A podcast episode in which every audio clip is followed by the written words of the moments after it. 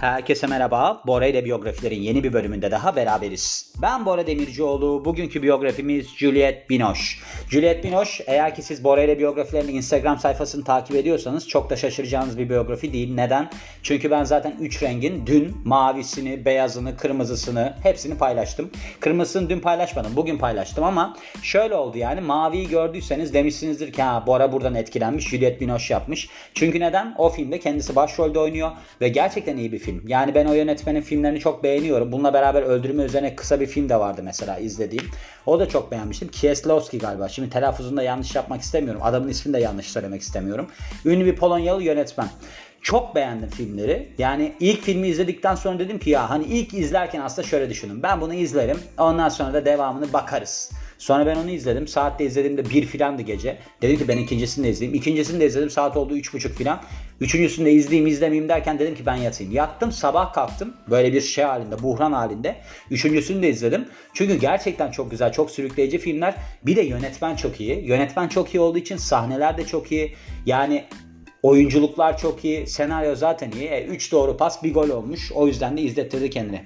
Şimdi Juliette Binoche'a bakarsak 9 Mart 1964 doğumlu. Paris, Fransa doğumlu ve aktris. Tabii ki Paris, Fransa doğumlu olmasının bu biyografide bir dezavantajı olacak. Benim Fransızca kelimeleri telaffuz etmede bir sorunum var. Neden? Çünkü ben Fransızca bilmiyorum. E Fransızca bilmediğim için Fransızca kelimeleri okurken yanlış söylüyorum. Şimdi onunla ilgili benim bir anım da var hatta. Eskiden burada anlatmıştım. Belki bir tane biyografide denk gelmişsinizdir. Ben Bağdat Caddesi sitesinden böyle o zamanlar bu kaçak CD'ler midiler çok moda. Öyle şeyler alıyorum. Müzik CD'si. Bir tane adam geldi. Dedi ki işte Julio Iglesias'ın dedi siz dedi ben albümünü istemiştim. Bana dedi şey Julio Iglesias'ı istemiştim. Dedi Julio Iglesias'ı vermişsiniz. Şimdi adam da bakıyor falan diyor ki olur mu falan. Ondan sonra neyse bu JH diye okunuyormuş İspanyolca'da. Yandan birisi söyledi. O dedi JH diye okunur falan. Yani adam ondan bile emin olamamıştı. Bu telaffuzun yanlış olması o kadar büyük sorun. Ben de burada kim bilir ne kafalar gözler yarayacağım diye düşünüyordum okurken. Ama şöyle bir karara vardım. Mesela burada konservatuar isimleri falan geçiyor. Hani siz konservatuarın ismini çok da bilmeseniz olur. Konservatuar diyeceğim geçeceğim çünkü zaten bitirememiş. O yüzden hani öyle bir kendime kaçış noktası buldum. Şunu da yapacağım. Gideceğim bir tane kitap alacağım. Üstünde şöyle yazacak kitabın. Fransızca giriş. Mesela ben sadece harflerin okunuşunun şu kelimeden sonra şu gelince şöyle ses değişir falan filan kısımlarını öğrensem zaten yeter. O yüzden böyle bir planım var yani. Bakalım Allah utandırmasın diyoruz. Şimdi Juliette Binoche kimdir? Juliette Binoche bildiğiniz gibi tanınmış bir Fransız aktris ve kendisinin sahnede ya da filmlerde canlandırdığı kompleks karakterlerle meşhur kendisi. Böyle karmaşık karakterlerle meşhur. Bir de bu kadının şöyle bir durumu var. Böyle çok yüzünde bir hissel bir durum vardır. Böyle bir ifadeli bir kadın yani baktığınızda. Burnu burnu ifadeli. Ben çok güzel bir kadın olduğunu düşünmüyorum açık söyleyeyim. Ama böyle bir ifadesi var mı? Evet var. Allah'ına kadar var derler ya var yani. Öyle bir durum. Ve hem aktör hem de yapımcı bir babanın kızı olarak dünyaya gelmiş. İsmi de Jean-Marie Binoche'muş. Ve ardından da tabii ki sürekli olarak film yapımıyla alakalı olarak ve de oyunculukla alakalı olarak küçük yaştan itibaren bir ma- maruziyet söz konusu hayatında. Annesi de aktrismiş bu kadının ve bununla beraber pek çok akrabası da aktrismiş. Bu yüzden de çocuğundan beri oyunculuğa yönelik bir ilgisinin olması çok da sürpriz bir şey değil deniliyor. Bence de sürpriz bir şey değil yani. Bence benimkisi sürpriz bu arada. Şimdi mesela benim annem de spor yapmaz, babam da spor yapmaz. Kardeşim benden sonra doğdu ama o da yapmaz. E ben antrenör oldum. Benimki bence sürpriz. Yani herkesin şaşırabileceği kısım bence bende. Burada değil yani. Yapacak bir şey yok. Şimdi kendisi son derece zeki ve de parlak bir kız olmasına rağmen hiçbir zaman akademik kariyere ilgi duymuyor. Aynı ben. Bu da ben. Müfredat insanı değil. Ve hatta ileride bir bölümünde müfredattan nefret ettiği için okulu bırakacak. Şimdi devam edin siz. Heyecanı artırmak için söyledim bunu. Ve aslında daha çok okulda sahne yapımlarıyla alakalı. Hani böyle sahnede çıkar, tiyatroda oynar falan öyle aktif çocuklar vardır ya onlardan bir tanesi. Ardından da Ulusal Drama Akademisi'ne katılmış Fransa'nın. İsmini söyleyemeyeceğim çünkü biraz değişik yani böyle bir Ulusal Drama Akademisi diyelim. Bu yüzden aslında oyunculuk okumak için girmiş buraya ancak müfredattan nefret ettiği için okulu bırakıyor. Çok güzel oluyor yani. Şimdi burada mişli geçmiş zaman kullandım bir de şimdiki zaman kullandım. Öyle karışıklık oldu ama cümlenin yapısını bozmadığını düşünüyorum. O yüzden çok önemli değil yani. Ardından, ardından da ünlü oyunculuk koçu Vera Gregg ile oyunculuk derslerine başlıyor. Ve aslında bu durum kendisinin profesyonel oyunculuk kariyerine hazırlıyor.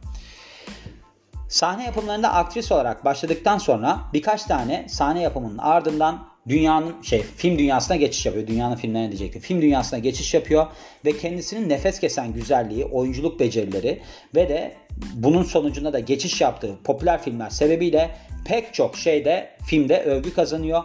Bunun sonunda da en iyi yardımcı kadın oyuncu Oscar'ını The English Patient, Patient şey nedir adı bunun? İngiliz hastayla alıyor. Çocukluğuna ve ilk yıllarına dönersek demin doğum tarihinden bahsettim. Bir daha bahsedeyim. 9 Mart 1964. Bugün havamdayım. Bugün bahsediyorum. Ve hem anne hem babası da oyunculuk mesleğinde ya da işte yönetmenlik mesleğinde diyelim. Böylece show business'a küçük yaştan itibaren maruz kalıyor. Kendisinin bir tane kız kardeşi varmış. Adı da Marion. Ve anne babası Juliet 4 yaşındayken şey yapıyor. Juliet Binoche 4 yaşındayken ayrılıyor. Ve kız kardeşiyle beraber bir yatılı okula veriliyorlar. İki kız da anne babasını uzun süre göremediği için bu terk edilmiş duygusu Juliet Binoche'u çok derinden etkilemiş. Böyle bir şey var. Mesela 3 tane tip varmış. Çocuğu bırakıp giderseniz 3 tane refleks geliştiriyormuş. Bir tanesi de hiç takmıyormuş. Bir tanesinde herkes beni bırakır diye yetişiyormuş ileride. Bir tanesinde de acayip anneden bir uzak durma durumu gelişiyormuş. Anneden ya da babadan yani. Ama anneden diye biliyorum ben bunu. Babadan şimdi ben uydurdum şu anda. Oyunculuk tabii ki kanında olan bir durum ve böylece daha okulda öğrenciyken amatör sahne yapımlarında yer almaya başlıyor. Oyunculuk okumak için bunu nasıl ben çevirsem ki nasıl ben Rus şey Rusça diyorum Fransızca telaffuzunu yapsam ki bilemiyorum ama konservatuvar uluslararası konservatuar ulusal konservatuara, konservatuara katılmış. Öyle diyeceğim yani Türkçesini söyleyeceğim. Bununla beraber müfredatla hiç arası iyi olmadığı için kısa bir süre sonra okulu bırakıyor. Akademiyi terk ettikten sonra bir tiyatro topluluğuna katılıyor ve Fransa ve diğer Avrupa ülkeleri ki bunlar arasında Belçika ve İsviçre varmış turneye çıkıyorlar. Bu zaman arasında da kendisi Vera Greg isimli önemli oyunculuk koçundan dersler alıyor. Kariyerine bakarsak televizyondan ve de filmlerden daha 20 yaşına bile gelmeden pek çok teklif alıyor. Ve bazı küçük rollerde televizyonda göründükten sonra ilk be- beyaz perde çıkışını 1983 yılındaki küçük bir rol olan küçük bir rolle Liberty Bell filmiyle yapmış. Birkaç yıl sonra Hail Mary ve Rendezvous filmlerinde yer alıyor. Bunlardan ikinci olanı Rendezvous filmi. Bu randevu oluyor yani. Aslında kendisine çok fazla tanınırlık kazandırıyor. Filmdeki aslında rolü kendisinin kariyer bazında tanımlayıcı rolü oluyor. Tanımlayıcı performansı oluyor. 93 yılında demin bahsettiğim film bu hani Polonyalı yönetmen dedim ya Kieslowski. Onun filminde yer alıyor. Three Colors yani üç renk blue mavi yani. Burada Julie karakterini canlandırıyor. Bu da ben dün izlediğim için filmi çok hakimim. Kocasını kaybeden bir kadın. Dul bir kadın ve aslında çok da iyi oynamış bence rolü. Böyle hayatını tamamen geride bırakmak isteyen bir kadını oynuyor. İşte evini satıyor bilmem ne yapıyor. Tanıdığı herkesten uzaklaşmaya çalışıyor. Ne kadar uzaklaşabiliyor onu izlemeniz lazım görmeniz için.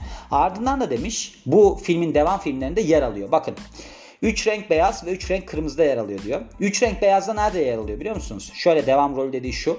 Şimdi 3 renk mavide bir tane mahkeme sahnesinde kapıyı açıp içeri giriyor. Sonra siz giremezsiniz diyorlar.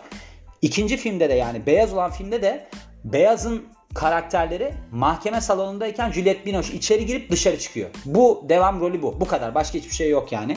Diğerinin de sonunda bir görünüyor. Yani böyle bir devam rolü olarak değil. Onu söyleyeyim. Hani burada rol değil. Böyle bir görünü. Trafik yani ekstra bir figüran olarak diyebiliriz yani.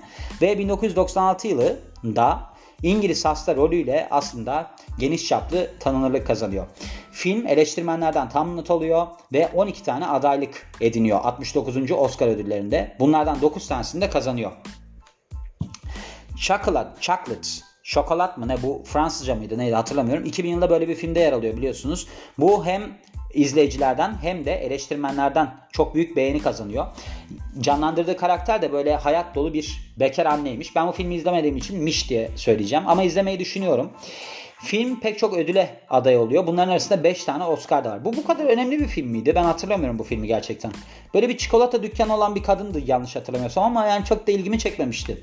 2005 yılında Fransız gerilimi Catch, Catch'te yer almış. Burada da Daniel Otell'la beraber oynamış. Burada eşini oynamış Anne ismindeki. Film premierini 2005 yılındaki Cannes Film Festivali'nde yapıyor ve 3 tane ödül alıyor. Sanat filmi Certified Copy'de 2010 yılında yer alıyor. Filmde bir tane Fransız antika simsarı bu da Binoche tarafından oynanan bir kadının çevresinde gelişiyormuş. Bunu bu kadının İngiliz bir yazarla olan ilişkisini ve de işte inişli çıkışlı ilişkilerini yer alıyormuş gün içerisindeki. Ve biyopikte yer alıyor. 2013 yılında yani biyografik bir filmde yer alıyor. Burada heykeltıraş Camille Claudel rolünü oynamış. Filmin adı da Camille Claudel 1915. Film eleştirmenlerden büyük beğeni alıyor ve Juliette Binoche özellikle performansıyla çok övgü alıyor. 2014 yılında drama filmi Clouds of Seals Maria'da yer alıyor ve bir aktrisi canlandırıyormuş burada. Aynı yıl şeyde oynamış. Words and Pictures ve Godzilla'da oynamış. Godzilla'da oynuyor muydu hiç, hiç hatırlamıyorum. Aslında hatırlamamam çok normal. Neden biliyor musunuz? Godzilla zamanında VCD'ler çok modaydı. Ben de sinemaya gidip izlemiyordum. Hatta o kadar şeydi ki Godzilla'nın ben bir tane DVD şey VCD'sini almıştım. VCD'nin altındaki altyazı Japonca mıydı, Çince miydi öyle bir şeydi. Film İngilizceydi. Ben zaten Japoncam çok var diyemem. yani bir Genki'yi biliyorum yani o kadar. Onun için hani hiçbir şey anlamamıştım filmden. Acayip bozuk bir görüntü kalitesi. Japonca mı ne altyazı. Film zaten İngilizce. Ben o zamanlar zannedersem en fazla lisede falanım.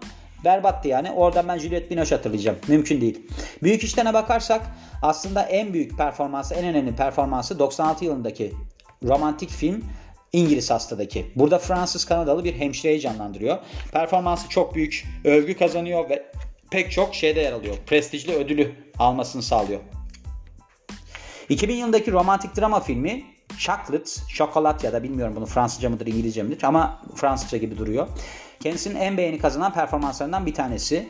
Şöyle Vian Rocher karakterini canlandırmış. Bu da özgür ruhlu bir çikolata dükkanı sahibi ve izleyicinin kalbini kazanıyor bu rolüyle. Ödüllere ve başarılarına bakarsak Akademi Ödülünü en iyi yardımcı kadın oyuncu dalında 96 yapımı film İngiliz hastayla alıyor. Aynı zamanda bu yine yardımcı kadın oyuncu da BAFTA ödülü de alıyor ve European Film Award almış en iyi aktris dalında aynı rolle. 2000 yılında European Film Awards en iyi aktris dalında kazanıyor. Bunu da Vian Rocher bu Çakolat filmindeki karakteriyle almış. Kişisel yaşamına bakarsak Juliette Binoche evlenmedi, evlenmemesine rağmen pek çok ilişkisi olmuş. Bu aslında ilişkilerinden bir tanesi dalgıç, profesyonel dalgıç Andre Hall'laymış ve bu birliktelikten de bir oğulları dünyaya geliyor. Rafael isminde. Ardından aktör Benoit Magimel bir ilişkiye başlıyor ve 99 filmi Children of the Century'de başrol paylaşmışlar. Buradan da bir kızları dünyaya geliyor. İsmi de Hannah. Net değerine bakarsak Fransız aktris Juliette Binoche aslında bayağı da değerli bir kadınmış yani. 275 milyon dolarlık bir net değeri var. Yani gördüğünüz gibi hani Fransa'dan çıkmış gerçekten dünyayı ele geçirmiş bir kadın ama hiçbir zaman tesadüf olmuyor. Aile zaten oyuncu, kısmen baba, yönetmen falan bir sürü şey var.